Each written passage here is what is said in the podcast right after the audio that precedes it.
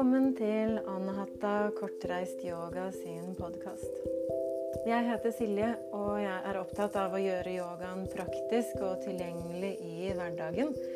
Bl.a. gjennom denne podkasten. Og av og til deler jeg instruksjoner i øvelser, av og til er det snakk om yoga. Og i denne episoden er det snakk om yoga sammen med Jannike Wiel. Hun er innehaver av Oslo Yoga og har drevet med yoga siden 1989, da hun reiste til India for å lære seg å meditere.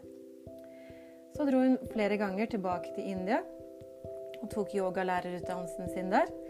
I tillegg har hun magistergrad i filosofi fra Universitetet i Oslo, er utdannet filosofisk praktiker og har utdannelse i Feldenkrais-metoden. Det er en bevegelsesmetode som vektlegger kroppsbevissthet. I år har hun gitt ut bok som heter 'Hva er yoga?' og Det er en del av universitetsforlaget Hva er-serie. Og på baksiden av den boka så står det at i Hva er yoga får du et personlig og engasjert innblikk i yogaens mange uttrykk og tradisjoner. Hva er sammenhengen mellom vår tids velværeyoga og de gamle asketenes selvplaging? Hvorfor er mange yogier vegetarianere, og hva betyr egentlig om? Hva sier forskning om yogaens effekt på kropp og sinn? Vi vil drøfte myter, tro og viten om yoga, og hvorvidt det er noe som kan kalles den egentlige yogaen. Så dette er en bok jeg vil anbefale på det varmeste. Den er liten, lettlest og samtidig bred. Og selv har jeg mange yogabøker i bokhylla mi hjemme. Noen av dem, som, særlig de som tar for seg noe av yogafilosofien og yogaens historie, de ser veldig spennende ut. Og så er de så tjukke. Og noen av dem også ganske tunge å komme seg gjennom, så de blir ikke lest. I hvert fall for meg. Så står de fortsatt fint i hylla. Og da er det så godt og fint med disse mer lettleste bøkene. I tillegg er denne på norsk. Så mm, jeg legger ved bildet av den i episodebeskrivelsen. Og den har også vært utgangspunktet for samtalen vår i dag. Og det er jo også flere andre ting som dukker opp siden eh, yoga og hva er yoga, er noe vi begge er engasjert i og brenner for. Så god lytt.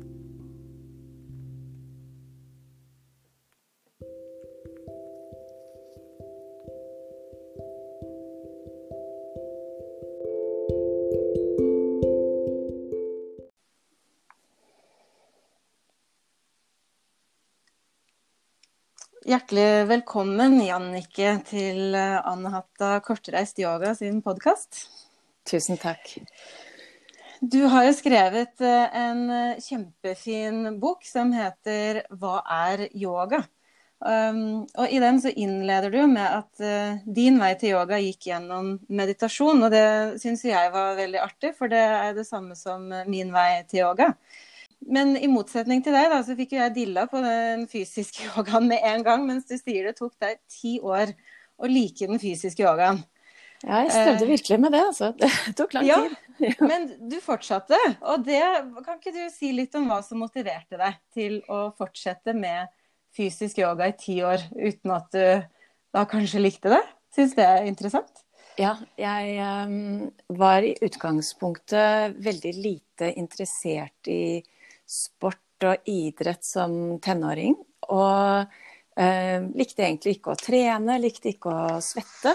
Og så var jeg ganske stiv. Um, jeg hadde gått på turning som barn, og da kjente jeg meg bare som stiveste i hele gruppen. Um, og det kommer kanskje litt tilbake da jeg begynte med yoga. Jeg var den stiveste i hele gjengen på gulvet der i yogarommet. Og jeg syns at det var veldig mye som var ubehagelig. Det strakk og kjentes, mm. uh, kjentes ikke noe godt for meg. Bortsett fra etterpå, da, så kjentes det jo ganske bra. Um, men um, jeg strevde vel kanskje litt med at jeg følte at jeg ikke var så veldig god, og at uh, det var ubehagelig å strekke, og at det var litt slitsomt. Mm. Men, men jeg var veldig opptatt av meditasjon. Jeg um, dro jo først til India som 19-åring på et, et, par måneders opphold da. Og så kom jeg tilbake året etter og var der i en måned, og så dro jeg tilbake halvannet år senere, og da var jeg der et år. Og så fornyet jeg eh, oppholdet mitt eh, med ett år av gangen. Dro tilbake til Norge hver sommer og fortsatte å bo i, i India resten av året. Og siden jeg var stiv og ville sitte med rett rygg til meditasjon, så var det egentlig ikke så veldig mye valg. Jeg trengte å gjøre noe for å bli sterkere i ryggen. Jeg trengte å gjøre noe for å åpne opp i hoften. Og det å kunne sitte bekvemt i meditasjon, det var så sterk motivasjon for meg at det var verdt å gjøre yoga. Og så var det jo veldig morsomt da, å oppleve at jeg faktisk ble mykere. Så selv om jeg fortsatt var den stiveste i uh, gruppen, så merket jeg veldig stor forskjell. Uh, første gangen jeg gjorde yoga og kanskje kunne nå meg til knærne da jeg bøyde meg forover, så klarte jeg liksom gradvis å få fingrene ned til eh, tærne. Og, og, så at dette her fungerer jo faktisk. Jeg kan jo bli mykere. Og så etter hvert så åpner kroppen seg enda mer. Og jeg er fortsatt ikke noe slangemenneske, men det å se at det er mulig å utvikle kroppen, det er jo veldig morsomt, selv om ikke det er noe mål i seg selv å komme inn i en avansert stilling. Ja, det er jeg veldig enig i. Og jeg dro jo også til India for å, å lære meditasjon. Og da eh, viste det seg å være ganske utfordrende for meg også, samme som du sier med at det var stivt i kroppen. Og, eh, da var jo fysisk yoga en veldig fin måte å smidiggjøre seg og styrke seg på til å kunne sitte godt til meditasjon. Um, jeg, den første stedet jeg gjorde yoga, var i Varanasi. Og, og der hadde vi jo en, en, liten gruppe med en fyr som har spilt amerikansk fotball i alle år. Og når han lente seg frem, så kunne han jo bare nå til midten av lårene sine. Og da var målet å bare nå tærne for å ha det bedre i kroppen. Um, og det tar jo ikke så lang tid før man ser resultater, og det tenker jeg er noe av det som kan motivere ordentlig da, med den fysiske yogaen. Det syns jeg er kjempespennende, og jeg sier det til eldre som kommer på yoga um, hos meg nå, at du kan fortsette å bli mykere i kroppen selv om du blir eldre. Og det, som, som tenåring og 20-åring så har jeg hadde i hvert fall veldig stor tro på meg selv på veldig mange måter. Altså, det er urealistiske bildet av meg selv som menneske i verden. At jeg skulle nå opplysning innen jeg var 30, og at jeg skulle At jeg hadde veldig store kapasiteter. Og, og så, og så, eh, og så ser jeg det at eh, jeg var ikke veldig bevegelig i kroppen. Jeg var ikke veldig sterk i kroppen heller. Og mange tenker jo at når man er i begynnelsen av 20-årene, da er man kanskje på sitt beste fysisk. Og da ser jeg at jeg har det så utrolig mye bedre i kroppen nå som jeg er 50. Eh, det er smidigere, jeg får mindre vondt og eh, plager. Jeg eh, er mye sterkere, jeg er mer utholdende. jeg jeg seirer, på en måte. Så det syns jeg er veldig gøy å se, og det gjør at jeg føler jeg med hånden på hjertet kan motivere andre som er godt voksne, til å gjøre yoga og, og forbedre eh, kroppslige Både følelse i kroppen, mer kontakt med kroppen og bedre funksjon på så mange måter. Mm. Ja, og det er jo veldig interessant som du sier at du ble 50 år, gjorde du ikke det? Jo, jeg ble 50 nå i høst. Ja, ikke sant. Så det er jo en skikkelig milepæl i livet. Har man levd eh, et halvt århundre og går et nytt halvt århundre i møte. Eh, og går inn i den fasen av livet som en mer eh, en kvinne med mer erfaring enn denne energiske 20-åringen som vi snakka om i stad. ikke sant? Mm. Eh, er det noe, når du har møtt denne hva skal vi si, milepælen i livet, som det er å bli 50, da er det noe spesielt som eh, engasjerer deg eller inspirerer deg, som du vil dele her? Jeg kjenner jo på viktigheten av å bruke meg selv til det fulleste. Uh, gjøre mitt arbeid til det fulleste. Um, virkelig prøve å bringe fram de uh, innsiktene jeg har, det jeg kan dele. Um, føler at jeg har lært mye verdifullt opp gjennom årene. Og um, det er veldig viktig for meg å møte mennesker der de er, uh, når folk kommer på yogakurs hos meg eller kommer til meg. Og samtidig som noen kommer til meg med sine behov og sine ønsker, så prøver jeg å se det som er det bakenforliggende behovet og ønsket, som kanskje ikke de er klar over, og som jeg eh, prøver å lokke dem fram til å bli enda mer bevisst. For det er jo ofte vi, vi søker noe uten helt å vite hvorfor vi søker, eller hva det er vi søker. Og at jeg i mitt arbeid kan hjelpe folk til å finne ut hva som virkelig er viktig for dem. Og til å finne de ressursene i seg selv til å kunne virkeliggjøre seg selv, og til å kunne gå den veien som er sann og riktig for dem. Føler du at du får gjort det i vanlig sånn yogatime hvor folk kommer 90 minutter en gang i uka, eller er det mer sånn at man kommer på workshop eller tar yogalærerutdannelse for å gå såpass inn i dybden, da, som eh, ja, du forklarer her? Jeg prøver vel å så frø hele tiden. Og så vil det jo være opp til hver enkelt om man tar tak i det eller ikke. Men at jeg stiller spørsmål i helt vanlige yogatimer om hva er det du egentlig har behov for, hva er viktig for deg i dag, hva er viktig for deg i denne perioden av livet, hva er viktig for deg i livet ditt. Jeg stiller ikke alle spørsmålene hver gang, men, men at det kommer disse, disse, små spørsmålene innimellom hvor jeg ikke har noen antakelse om hva som er viktig for andre, det, det har jeg virkelig ikke peiling på. Men at, at jeg hjelper dem til å avdekke det når de er i en tilstand av ro. Jeg ser i hvert fall for min egen del at i hverdagen så blir det veldig mange dagligdagse gjøremål som tar enormt mye energi. Alle de praktiske tingene som skal håndteres med jobb og familie og alle mulige slags plikter. Og så blir det litt til at jeg glemmer det essensielle. Eh, for meg er det veldig viktig å stoppe opp, sånn som da jeg ble 50, eller i forbindelse med nyttårsfeiring eller uh, ved disse spesielle tidspunktene som jeg har i mitt år og mitt liv, hvor jeg stopper opp og reflekterer over det, og er så heldig at jeg har en mann som vil reflektere over det sammen med meg. At jeg lar noen av disse essensielle spørsmålene få komme inn i yogaundervisningen i det daglige også. Og det kan være som um, ukens beste øyeblikk, dagens beste øyeblikk, noe du er glad for i livet, noe du er takknemlig for i livet. Bringe oppmerksomheten til det og dvele ved det. Og jeg tror med de kontinuerlige dryppene inn mot disse tingene som er mer essensielle, som ikke bare handler om at veldig mange selvfølgelig kommer til yoga for å redusere stress eller for å få en bedre rygg, eller for å bli, bli litt mer bevegelige eller sterke, men at vi samtidig, når vi har redusert stresset litt og fått det litt mer behagelig i kroppen, og har fått litt mer energi og overskudd, kanskje kan være tilgjengelig for å reflektere over de tingene som er viktige i livet. For meg er det en essensiell del av yoga, og som er en viktig del av min formidling. At vi kan stå i de øyeblikkene der hvor vi er litt mer åpne og har litt mer tilgang til oss selv.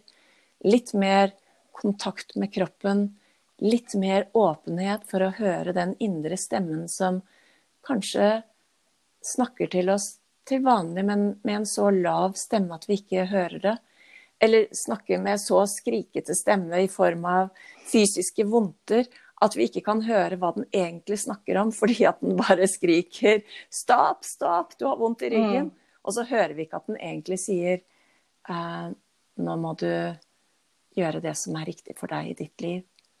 Eller nå må du finne en måte å gi deg selv trygghet, for du er faktisk for utrygg med alt det tankespinnet som du kjører på med hele tiden. Um, jeg tror det er veldig mye, mye, vi ikke hører i oss selv i det daglige, og som vi kanskje kan få mer tilgang til når vi stopper opp. Enten det er i yoga eller meditasjon, eller det er når vi har en, en virkelig god samtale med en venn.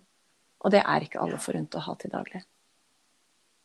Nei, og det, det resonnerer veldig med det du sier der. Og jeg syns det er veldig godt og fint å høre at dette er noe du tar opp eh, og drypper inn i, i yogatimen også, ikke sant? For det, jeg tror mange når de tenker på at de skal på yoga, så tenker de på at der skal vi gjøre fysiske øvelser, vi skal jobbe litt med pust og avspenning, kanskje det er noe meditasjon, kanskje ikke, litt avhengig av hva slags yogatime det er når man går til. da.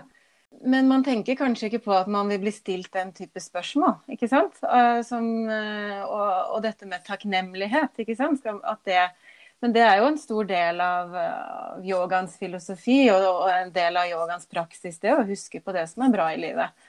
Men det er kanskje litt forskjellig hvor mye folk tar det med inn i yogatimer. Men uh, det høres ut som du gjør det i hvert fall veldig bevisst og, og regelmessig. Og For meg så vil jeg si at uh, takknemlighetspraksis er den aller viktigste yogapraksisen min, og den viktigste yogapraksisen jeg deler både på yogalærerutdannelsen som jeg leder, og mm. med mine kursdeltakere. Um, det er helt klart at uh, fysisk yoga har fått veldig mye oppmerksomhet, og den er jo den synlige praksisen som blir avbildet i sosiale medier, og som vi reklamerer med på kurs. og og som vi ser at uh, vi og andre gjør. Men den mentale tilstedeværelsen og de mentale øvelsene for øvrig tenker jeg på som den aller viktigste delen av yogaen. Og der ser du jo på en måte min meditasjonsbakgrunn skinne gjennom, selv om ikke det var en takknemlighetsmeditasjon jeg praktiserte de årene jeg bodde i India. Men, men, men for meg er likevel den mentale yogaen den mest essensielle delen. Og så er den fysiske mm. yogaen en utrolig god måte å komme inn i den mentale yogaen. Både eh, på, i en enkelt yogapraksis, at det at jeg gjør noen bevegelser og myker opp kroppen, gjør at jeg er mer til stede i meg selv. Eh, men også mm. er det en veldig fin inngang for folk som starter med noe som de, de skal, vil utvikle seg på en eller annen måte i livet sitt, og så starter de med å skulle utvikle noe i kroppen. Kanskje fordi de er blitt pensjonister og vil gjøre noe bra for seg selv, eller fordi de har vondtere plager og, og kommer og skal bli litt bedre. Og så finner de at den fysiske yogaen gir dem inngang til å forstå mer av, av seg selv som helhet. Det gir veldig mening, og det, det, meg Jeg hadde lyst til å lese et utdrag fra boka di. Um, det, jeg syns jo Hva med å smette inn det her, da? At den er jo ikke en sånn tjukk blekke, ikke sant, som en murstein som står i bokhylla. Så den er jo liten og lettlest, og så er den samtidig veldig bred. Jeg syns du går veldig godt inn og får svart på hva er yoga. Um, med alle de forskjellige aspektene rundt det. Men, men uh, fra det du sa nå, så var det, det var et utdrag jeg ville lese, så jeg bare tar med det. Og det er i kapittelet om fysisk yoga. Så står det her på andre siden i det kapitlet. Å utføre vanskelige stillinger er ikke en nødvendighet for å gjøre yoga. Kroppsstillinger er ikke yogaens egentlige essens, selv om de er en del av yogaens ytre form og uttrykk. Og man går glipp av yogaens gull om man bare er opptatt av det fysiske i utøvelsen av yogastillingene, sa den store kvinnelige indiske yogalæreren Gita Iyengar. Yoga handler ikke om stillingene, men om en innstilling. Um, og det er jo akkurat det du snakka om nå, at det er den mentale biten det handler om. Og, og, jeg pleier ofte å ta opp dette på litt lengre kurs, når man har litt mer tid til å snakke og har litt tid til teori og sånn. Dette med at du kan uh, stå på hodet og tenke på hva du skal ha til middag, og da gjør du ikke yoga. Mens hvis du legger deg ned på matta di i en behagelig stilling, og så sanser du kroppen din innenfra, eller opplever pusten din, så ser jo ikke det så veldig imponerende ut, men det er jo det som da er yoga.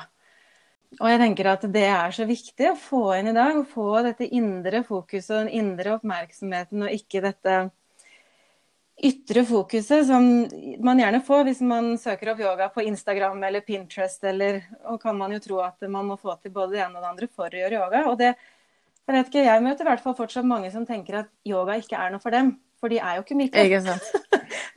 ja, du møter du Veldig ofte. Jeg hadde flere som sa det til meg forrige måned, som sa Nei, jeg vet ikke om jeg kan bli med på yoga, for jeg er så stiv. Så, men det er nettopp derfor ja. du trenger yoga. Det er jo oss som er stive, ja. som trenger yoga. Det er jo um, Men alle trenger yoga, det er ikke tvil om det. Både de som er stive, og de som er veldig bevegelige. Um, men um, det å ikke tenke på denne fysiske formen, men bruke den fysiske formen og bevegelsen som en anledning til å være til stede. Til stede i seg selv, til stede i kroppen. Det er det yoga handler om. Ja, bra sagt. Jeg er helt enig. Absolutt. Før vi skulle ha den praten her, så måtte jeg, jo, måtte jeg jo google deg og gå inn på Facebook-siden din. Og når jeg så på Facebook-siden din, så var det jo selvfølgelig mye info om Oslo-yoga, og det var info om det å gjøre yoga sammen med ridning. Eh, men det jeg bet meg fast i, eh, som appellerte veldig til meg, det er eh, en setning du skrev at alt er natur. Og det skrev du under en post om en innspilling av en naturmeditasjon. Og selv er jeg veldig opptatt av kontakt med naturen og hvordan naturen kan hjelpe oss til økt tilstedeværelse og mer ro. Um, så lurte jeg på om du ville dele noen tanker rundt det? For meg er naturen også en utrolig viktig ressurs. Jeg har hund, og det er jo en gave å få anledning til å gå ut på tur så mye som man gjør når man uh, har en uh, turkamerat som alltid er villig. Uh, og elsker å gå i skogen og langs elven og sjøen og overalt. Føler at det er så mye utrolig godt å hente fra naturen. Får så mye overskudd av det. Da jeg skrev om at alt er natur, så handlet dette også om å anerkjenne naturen i kroppen. For vi får jo av og til et litt sånn ytre forhold til natur, hvor mennesket blir veldig mye en del av sivilisasjon. Eh, og det er ikke tvil om at mm. vi som mennesker også er veldig mye kultur og sivilisasjon. Eh, og det som opptar meg ganske mye nå for tiden, er hvordan vi gjennom sivilisasjonen og kulturen mister litt troen på naturkraften i oss selv og i kroppen. Og um, det å forstå oss selv som en del av natur Nå var ikke det sagt i en veldig, veldig åndelig forstand, selv om jeg har et åndelig perspektiv på det også, men det var sagt i en veldig biologisk forstand. Um, menneskekroppen har en selvhelbredende evne som reduseres eller kom, kom, kom, komprimitteres.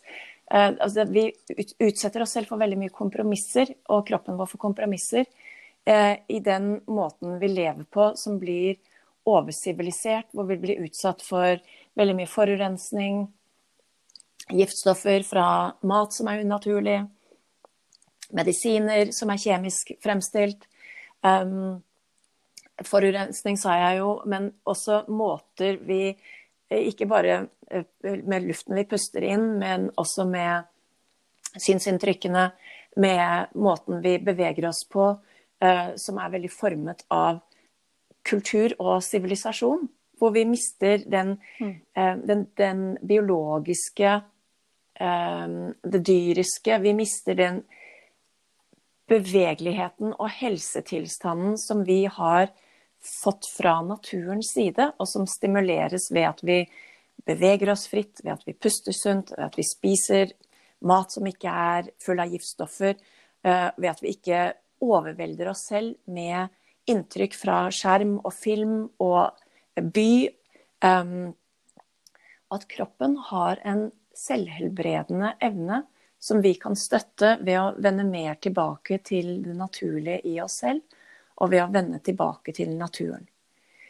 Jeg må si jeg eh, blir utrolig lei meg når jeg hører at mennesker mister troen på at kroppen kan reparere seg selv. Og jeg sier ikke at kroppen kan reparere seg selv i alle situasjoner. Vi trenger definitivt i mange situasjoner hjelp fra leger til å få satt bein på plass hvis vi har brukket.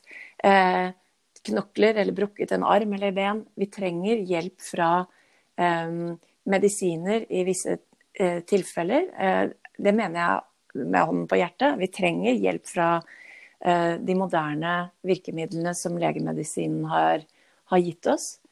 Men det er for å støtte den evnen kroppen har til å helbrede seg selv. Um, og det at vi kan støtte kroppens selvhelbredende evne, ved å roe ned, slik at immunforsvaret kan fungere optimalt. Kroppen fungerer mye bedre hvis vi gir oss selv tilstrekkelig ro og hvile. Fordi når vi er i beredskap hele tiden, sånn som vi blir mye ved å stresse så mye som vi gjør, jeg, meg selv inkludert, det er ikke sånn at jeg er fri fra stress på noen som helst måte. Eh, men det at vi stresser så mye og fyller oss selv med så mye negative inntrykk og negative impulser på ulike måter. Det gjør at celler og vev ikke reparerer seg selv så godt som de kunne ha gjort. Og at ikke uh, immunforsvaret fungerer så godt som det kunne ha gjort. Um, jeg tror at vi kan møte veldig mange av de utfordrende vi står overfor. Både helsemessig i samfunnet og individuelt. Ved at vi styrker vårt eget immunforsvar og lever på en måte som er sunn og forsvarlig. Ja, jeg syns det er veldig interessant det du sier der. Jeg er veldig enig. Og jeg har også spurt meg selv dette ofte. Eh, for det er så mange ting i hverdagen vår som ikke er i pakt med naturen, og som ikke er naturlig. F.eks. det at man bruker masse møbler. Altså En komfortabel sofa og kontormøbel er ikke nødvendigvis lagd for å støtte opp om og bygge kjernemuskulatur. Og den hverdagen veldig mange lever, er ikke støtta opp om å bruke kroppen allsidig.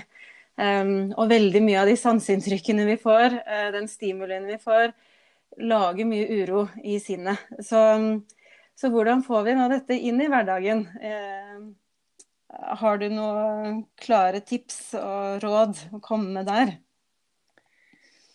Jeg tenker jo at selv når vi bor i byen, som jo veldig mange gjør selvfølgelig, og hvor vi kanskje ikke har den tilgangen til eh, endeløse skoger og, og vann, så er det jo fortsatt, i hvert fall i, i byene i Norge, en del trær og det å ta litt tid til å bare stå i en park, se på et tre, um, gå ut midt på dagen, få lys, um, dagslys, kjempebra.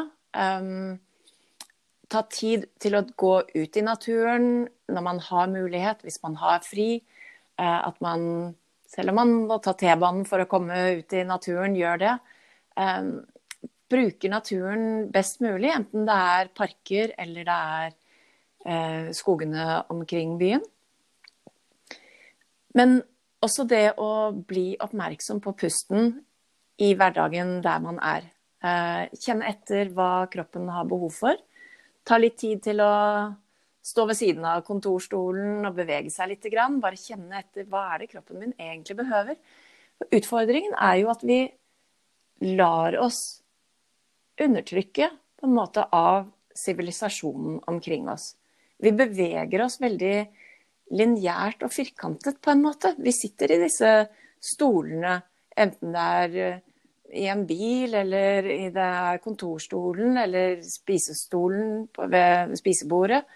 Um, hvor, det, hvor, det, er veldig formet. Men det at du sitter på en stol og Si at du sitter ved et spisebord eller på kontorstolen og lager litt sirkler med bekkenet, eller å, du kjenner at å, nei, nå trenger jeg å trekke pusten litt dypt, og så tar du det sukket istedenfor å skulle være så sivilisert og holdt nede at man ikke, at man ikke beveger seg noe. Altså, det, det, er jo nesten sånn at det blir sett på som litt uh, ufint hvis man, uh, hvis man sitter på stolen og lager litt sirkler med hoftene eller brystkassen.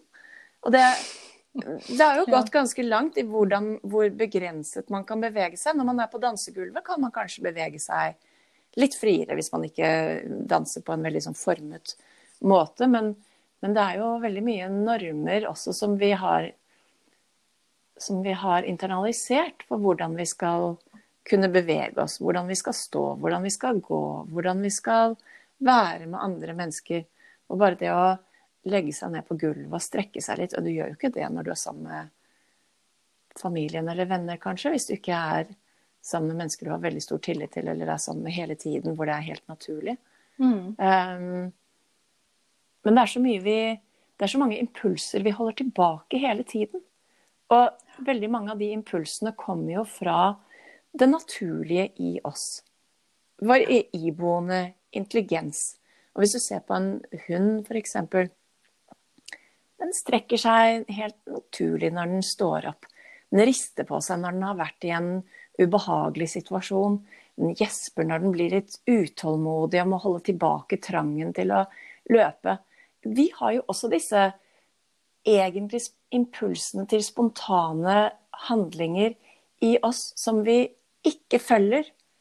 For vi hører ikke lenger at de impulsene kommer, fordi vi er så vant til idet vi våkner, at bare slår av vekkerklokken, velter oss ut av sengen, løper av gårde inn på badet, og så er det ikke tid til å kjenne etter. Åh, da skulle jeg ligge og strekke meg litt når jeg er i sengen, eller åh, ta tid til å bare ekstra gjespe. Det er veldig mange av de tingene vi, vi ikke gjør, um, mm. tror jeg.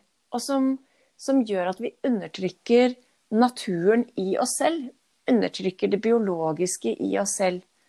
Um, vi fyller oss selv med så mye dårlig mat at det vi hører Og det, dette, nå snakker jeg ikke om andre, jeg snakker om meg selv også. Hvis jeg spiser mye sukker, så vil kropp, eh, kroppen min ha lyst på sukker.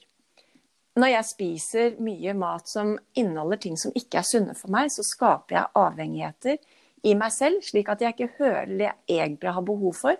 Jeg hører bare uh, lengselen etter sukker eller junkfood.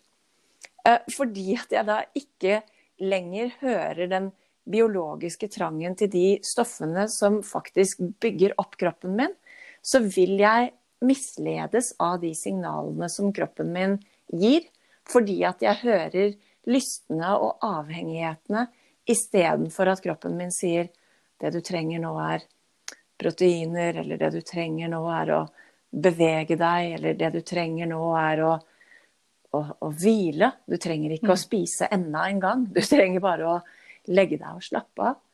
Disse mm. tingene hører jeg ikke fordi at jeg har fylt meg selv med så mange ting som jeg har blitt avhengig av, og som har stimulert kroppen på en kunstig måte.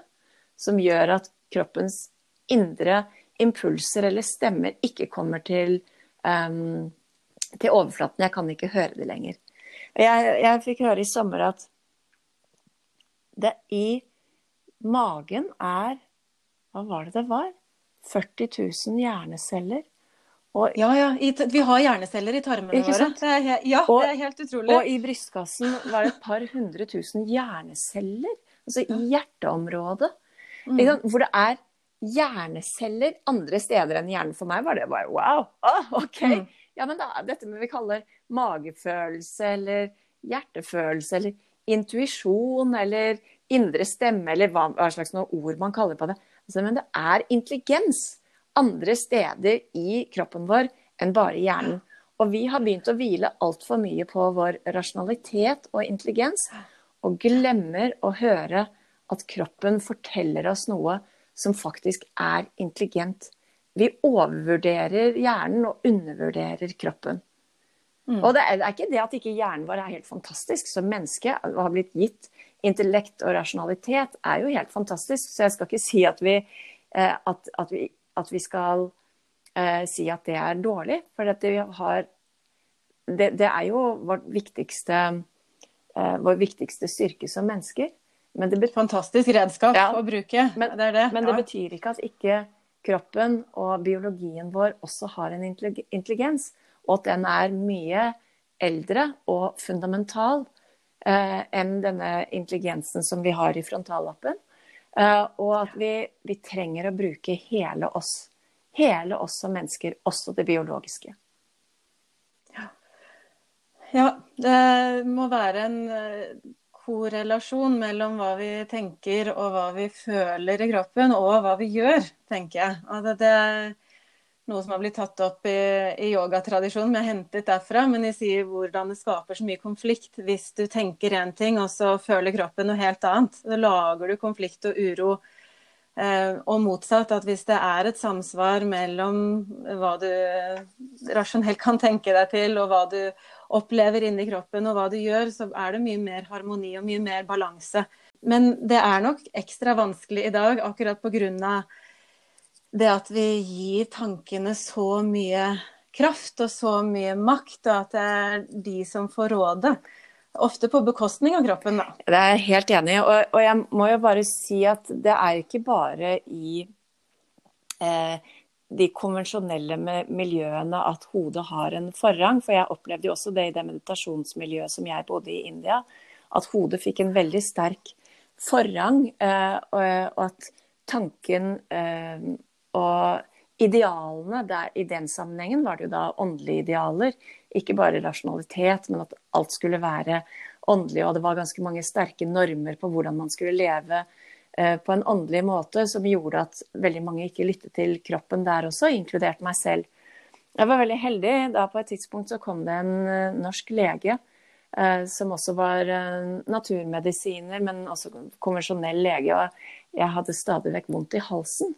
Og så sa han til meg Vet du hva, vondt i halsen, Jannike, det kommer av at det er en konflikt mellom hode og hjerte. Så det er det du må løse. Hva er konflikten i deg mellom hode og hjerte? For meg i den situasjonen så var det ting som jeg så som skurret for meg i miljøet der, som jeg ikke turte å ta tak i, verken i meg selv eller vis-à-vis -vis andre. Men det var ting som ikke, ikke stemte. Og fordi at jeg var så opptatt av å prestere åndelighet og leve dette ideelle livet, så lyttet jeg ikke til at det var ting som, som eh, jeg mente var galt, som skjedde der. Ting som undertrykkelser som foregikk hele tiden, guruen som holdt disiplene nede. Eh, kvinner som undertrykket seg selv i en voldsom sånn hengivenhet til læreren. Eh, mange som ble hånet av læreren og, og tråkket på. Og, og, andre som ikke sa ifra om at her var det faktisk en, en undertrykkelse som fant sted. Eh, og det var vanskelig for meg å, å, leve med, og jeg klarte ikke å ta til orde for det før det hadde gått mange år. Eh, og i mellomtiden hadde jeg stadig vekk perioder hvor jeg fikk vondt i halsen. Så noe i meg visste, halsen prøvde å si fra, men stemmen kom ikke fram. Og jeg har mange eksempler på det, ikke bare fra mitt eget liv, men fra andres liv som har vært nært omkring meg, hvor det er ting som, som skurrer. Og fordi at vi har så sterkt hode som enten overkjører kroppen med åndelige idealer, eller med prestasjon, eller med eh, at vi skal eh, oppfylle samfunnets krav, eller at vi skal være så innmari rasjonelle hele tiden at vi, at vi bare kjører det løpet som vi har bestemt oss for, overkjører oss selv med vilje sagt, gjør at vi ikke hører hva kroppen sier. Og jeg tror at veldig mange av de vondtene og plagene vi har, er kroppen som prøver å si ifra at det er noe som ikke er helt riktig. Og det kan være, det kan være fysiske ting, selvfølgelig. At skoene våre ikke er riktige for oss. Derfor får vi vondt i føttene, knærne og hoftene. Eller det kan være mm. at det er noe som gjør at åh, man hele tiden eh, gjør kompromisser i forholdet sitt, i jobben sin, i relasjoner til andre mennesker, i forhold til foreldre som man er eh, underdanig, eller det er at vi forsaker våre egne behov fordi at vi skal gjøre så mye for barna våre. Og hvor til slutt kroppen vår blir skadelidende og prøver å si ifra. Det, det tenker jeg er veldig viktig for oss, at vi lytter til kroppen. Mm. Absolutt. Og, og, for å gjøre dette litt praktisk, da bare, nå hopper jeg litt tilbake igjen til noe du snakket om i stad. Hvordan du tok frem eksempelet. Hvis du våkner på morgenen, så ringer klokka, så må du sprette opp av senga inn på badet, og så går dagen uten at man kanskje tar den ekstra dype pusten eller blir liggende litt og strekke seg. ikke sant? Altså, da kan det jo være noe så enkelt som å bare sette på vekkerklokka fem minutter før. da. Eh, og så vet man nå har jeg fem minutter hvor jeg faktisk kan ta det strekket og kan stoppe opp og ta noe dype pust. Eh, og da, hvis man er redd for å sovne, så kan man jo sette seg opp i senga igjen. Istedenfor å pakke dyna rundt seg og bare sitte litt. Altså, den morgenstunden den er jo helt spesiell, for man har jo ikke rukket å fylle opp med så mange sanseinntrykk i løpet av dagen ennå. Um, så bare ved å sette på klokka fem minutter før, så kan man jo kanskje gi seg selv noen minutter sittende i senga før man tar tak i dagens gjøremål. Da. Ja, og bare det å ha en myk lyd på vekkingen istedenfor å ha en brå ringing. Det er jo ja. det å bli ringt våken av en brå lyd gjør jo at man umiddelbart setter seg selv i en alarmberedskap fra første stund. Kan... Ja, hva slags vekkerklokke har du? Få høre ja, nå. Nei, jeg har, jeg har, en vekkerklokke som har en, uh, har en, brå lyd, men jeg er veldig heldig at jeg ofte våkner rett før vekkerklokken ringer. Så, ja, så jeg ja. vet ikke om den sånn biologiske klokken har uh, satt seg på. Så jeg stadig vekk sier ja, klokken er ti på halv åtte når jeg våkner, og så ringer denne vekkerklokken klokken halv åtte. Og det uh, Men, men, jeg, men jeg tenker jo at, at det hvordan man vekker seg kan ha ganske mye å si for hva som er den første impulsen vi gir til nervesystemet.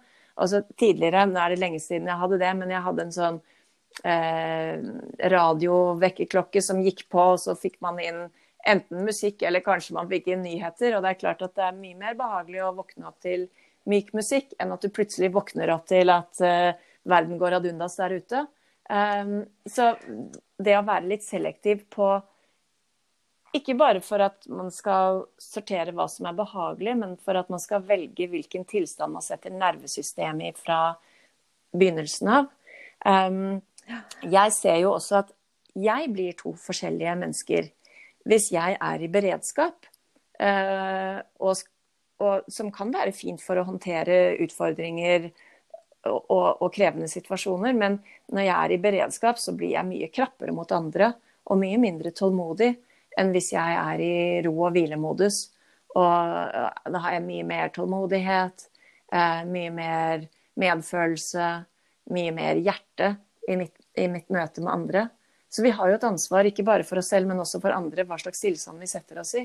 Så hvis vi kjører på med en brå alarm og masse negative inntrykk fra første stunden på dagen, så risikerer vi jo at det går utover omgivelsene våre også.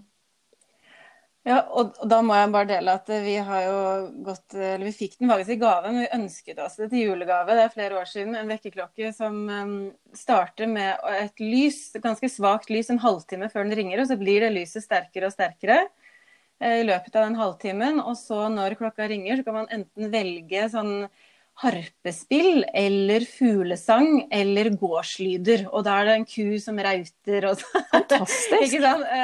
Eh, ja, det er det. Eh, og det er Jeg pleier å våkne en eller annen gang når det lyset blir sterkere. Og da har jeg alltid litt tid før jeg må stå opp, til å strekke på kroppen eller kose med et av barna som har kommet inn i løpet av natta. ikke sant? Eller ta noen dype pust. Um, og det setter jo en veldig god tone for dagen. Og så merker jeg jo også at de gangene jeg ikke våkner av det lyset, og våkner først når den ringer, da har jeg ikke fått nok søvn. Da vet jeg at jeg ikke har lagt meg tidlig nok dagen før. Eller at eh, det har vært for kort natt, og så er jeg ofte mye trøttere. Da. Så det gir meg også en sånn pekepinn på ok, her må du, må du passe på å legge deg litt tidligere i natt, da. Um, ja, så det fins.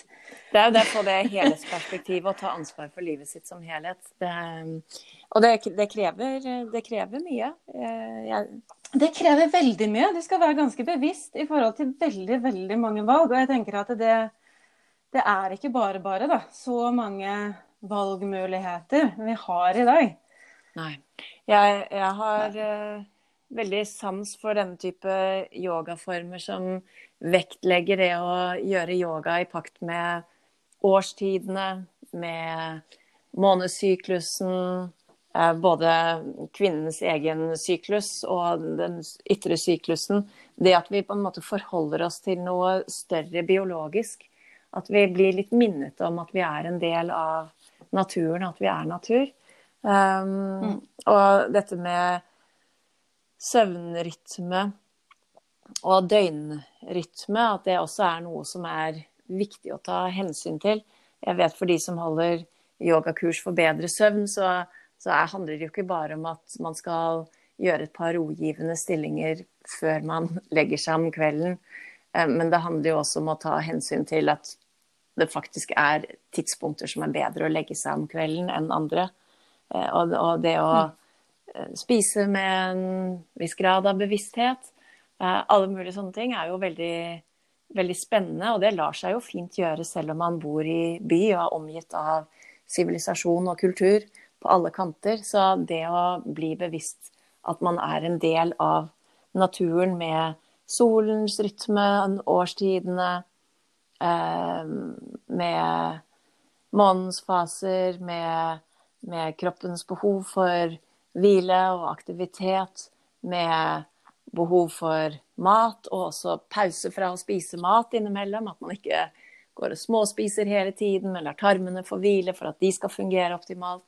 Altså, alle disse tingene er jo en del av en mer bevisst livsstil som kan gjøre at man får det bedre i seg selv også. Ja, og det å gjøre en yogapraksis kan jo også hjelpe deg å bli mer oppmerksom og var dine egne biologiske rytmer, da. Men du, jeg har jo så mye å prate om. Jeg har fortsatt et par spørsmål jeg vil gjennom, for nå er det ikke masse, masse tid igjen. Um, så jeg tenker jeg tar de. Uh, for i boka 'Hva er yoga?' Uh, så er jo det en del av universitetsforlaget sin Hva er-serie, ikke sant? Hvor det er vel nesten 70 forskjellige bøker som er gitt ut om uh, hva er forskjellige temaer. Eh, så det gjør den jo til en ganske så akademisk bok. Og der var jo du helt rette person til å skrive den. Men hvis dette var en bok som er helt i egen regi, eh, hva ville du tatt opp da, eller drøftet med, eller er det noe du tenker at hvis jeg skulle lagt til ett kapittel til, ikke sant, om du kunne diskutert ting, hva tror du det ville handlet om? Er det kanskje noe av det vi har snakket om? Ja, det er nok noe av det som vi har snakket om i dag. De tingene som jeg tenker er, er uh, viktige i en yogapraksis som handler mer om det eksistensielle. Um, hva, det, hva, hva, er viktig for deg som menneske? Hva er viktig um, i livet ditt? Det å bruke yogaen til selvrefleksjon, til um, å skape det overskuddet som gjør at vi får tenkt mer over det som er viktig i, livet. Um, jeg tror nok at det ville handlet litt om, om det. Uh, og handle om hvordan man kan bruke yoga til selvutvikling på ulike måter. Eh, bare f.eks. sånn som man i, i, avspenninger kan legge inn det som kalles en indre beslutning, som gjør at man bruker avspenningen ikke bare til å hvile og integrere inntrykkene eller det som har skjedd i kroppen under yogapraksisen, men også til å til å gå en bevisst retning i, i, livet hvor du jobber med å utfolde noe i deg selv som er av verdi for deg selv på et indre plan. Eller det å ta tid til takknemlighetspraksis, som vi snakket om i sted. Denne type indre prosesser hvor, hvor, man også i forskjellige yogastillinger kan kan integrere mer mentale ting. F.eks. hvis man ligger i en hvilestilling hvor man åpner opp i hjerteområdet. Ta den tiden til en medfølelsesmeditasjon, til å sende bønner og gode tanker til andre. Til å gjøre en takknemlighetspraksis. Altså den type Å ta med noe mer av den type eksempler på hvordan den fysiske yogapraksisen kan brukes til en personlig utvikling og til en refleksjon over noe eksistensielt i livet. Det er vel det jeg ville tatt med hvis jeg hadde vært helt fri, hvor jeg ikke bare skulle snakke om hva tradisjonen er, og hva som blir gjort. Um, jeg tenker det er mange yogalærere som bringer inn dette nå. Og kanskje hadde jeg kunnet ta det med på en eller annen måte, men Eh, for det første så var det jo en begrensning på 150 sider, som er eh, veldig lite for å si så mye som man kan si om yoga. Og det var veldig viktig å få inn både den, den lange tradisjonen som yogaen står i fra 2000 år tilbake i India, hvor, jeg, hvor det absolutt alltid har vært en eksistensiell dimensjon i yogaen, men hvor det som det handlet om for 2000 år siden, var mer menneskets dypeste selv sin forbindelse med kosmos. Um, og, og det, det, det, er absolutt relevant i dag også, men hvor vi kanskje i dag snakker om dem på en mye mer personlig måte. Som en personlig utviklingsprosess. Hvor dette med hva min kropp forteller til meg, og hva som er viktig i mitt liv, er mye mer sentralt i i 2020 enn det var eh, 400 før Kristus, hvor man ikke snakket om den, denne mm. personlige reisen eh, som individ på samme måten. Det handlet den personlige reisen man hadde som individ. Det handlet om å bli ett med kosmos. Eh, det handlet ikke om å realisere deg selv som individ, som vi kanskje i mye større grad snakker om i 2020. Det hadde vært interessant å, å ta med selvrealisering i et mer moderne perspektiv. Og hvordan man kan bruke yogaen til å få den indre kontakten som gjør at man kan bli mer ekte som menneske, mer hel som menneske. Eh, og hvordan både med ideer om yogastillinger som kan brukes til det formålet, og hvordan man kan integrere det i en praksis. Kanskje dette er den neste boken?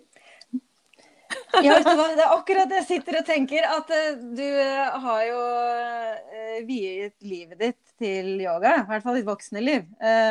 så er det noen som kan skrive en bra yogabok, så tror jeg det er deg. Og det høres ut som du har en del ideer til materiell allerede. Så det, det gleder jeg meg til en eller annen gang ned, ned i årene som kommer. Takk for inspirasjonen til deg, Silje.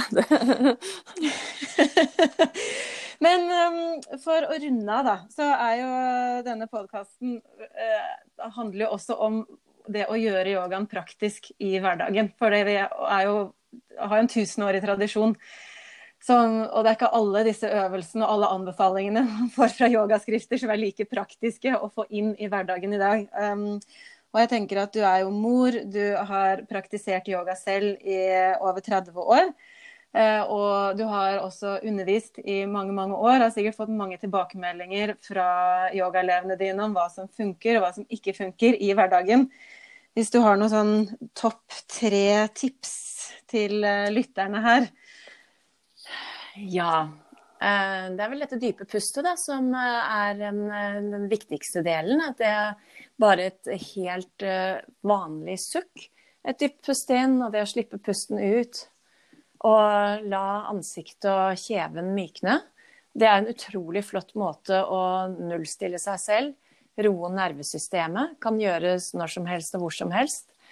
Um, det å ta et par minutter hver dag til å, å, tenke på det som man er glad for eller takknemlig for i livet, og virkelig ikke bare tenke på det med hodet, men kjenne i kroppen. Ah, hva skjer i kroppen min når jeg tenker på dette som jeg er glad for eller takknemlig for? Kanskje man oppdager det lille indre smil, eller noe som blir litt varmt i, omkring hjertet, eller noe som slipper litt omkring skuldrene. Og så det å kjenne etter ah, ja, Det kunne være godt for meg å bevege meg litt nå. Strekke meg litt, grann, lage noen sirkler med hoftene. Eh, vri litt på kroppen fra side til side. Få det til å bli noe som kommer fra innsiden og gjøre de tingene, det tenker jeg er jo det, det enkleste man kan gjøre. Det syns jeg var helt supre tips, og de kommer jeg til å gjenta i episodebeskrivelsen og nettsiden for denne episoden, sånn at man kan få det skriftlig og mulig å lese opp uh, også. Og så kan det jo fint også runde at, med at hvis noen har lyst til å komme på yoga med deg, så jo, har du jo flere timer i uka på Oslo Yoga. Og du har også en grunnleggende yogalærerutdannelse. Er det flere som underviser her, eller er det bare deg? Flere lærere. Det, det er flere enn meg. Eh, men jeg er hovedlærer, og det som ja. jo er viktigst for meg på denne utdannelsen, er å sørge for at eh, alle studentene lærer det som vi tenker er viktig. At jeg gir dem personlig oppfølging underveis, veileder dem, hjelper dem ikke bare til å lære det som er pensum på utdannelsen, men også til å finne sin stemme som yogalærer. Til å lage både programmer og presentasjoner av seg selv som harmonerer med dem, med det de er og det de ønsker å formidle. Så for meg så handler det mye om å hjelpe mennesker til å finne sin yoga, enten det er når de kommer på kurs eller når de kommer på utdannelse. Um, vi har også laget uh, online-yoga i perioden hvor vi har vært stengt, og det er jo en veldig enkel måte for folk over hele landet å bli med på både enkle, korte timer, eller økter da, på ti minutter, og mitt morgenrituale, og også eh, større timer hvor jeg både vektlegger kjernemuskulatur og åpne opp omkring hoftene og styrke setet og alle de tingene som vi gjør i en yogatime. Så jeg har både korte og lengre økter online som man kan finne på Oslo Yogas nettside. Ja, og det er osloyoga.no rett frem, er det ikke det? Ja, for da kan jeg også legge ved den linken, um, både i episodebeskrivelsen og nettsiden for episoden. da. Og sist må jeg også nevne at du er initiativtaker til Oslo Yogafestival, som har jo vokst seg kjempestor og er siste helgen i januar hvert år. Da jobber jo alle lærerne frivillig. Og så koster det jo noe å delta på mange av timene. Det er også en del gratistimer. Um, men de alle pengene dere får inn der, går jo til et veldedig formål. Ja, de går til en slumskole i eh, Bangalore i Sør-India. Hjelpe barn som ikke har tilgang til vanlig skole, til å gå på en skole hvor de får tilpasset undervisning til dem. Det, er, det er uh, veldig spennende at vi i det norske yogamiljøet kan hjelpe noen i India. Og yogafestivalen er en fantastisk møteplass for både yogalærere og yogautøvere. Et sted hvor man deler inspirasjon, får påfyll.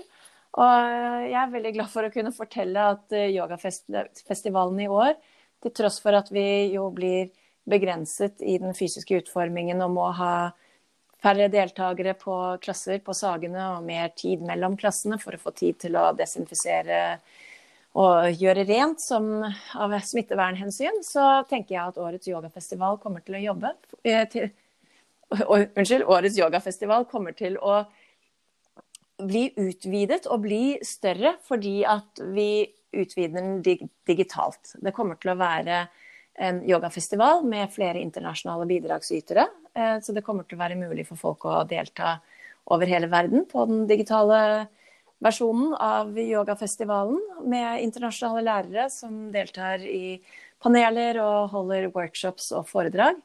Og at det blir lettere for folk over hele landet å delta. Eh, og at yogafestivalen også blir utvidet tidsmessig, sånn at den kommer til å strekke seg over større deler av januar for at man skal kunne delta på disse digitale Eh, workshopene og, mm, møtene. Så det er kjempespennende.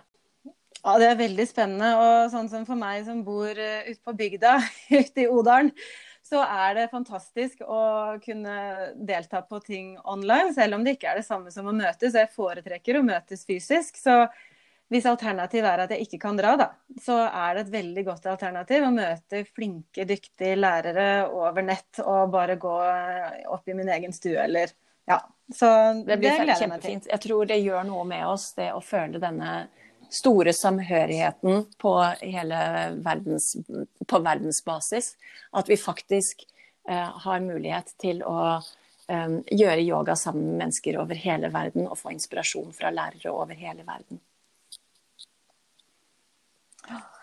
Nei, men Kjempefint. Tusen takk for Takk skal du ha, Silje. Det har vært en kjempehyggelig samtale. Ja, i like måte.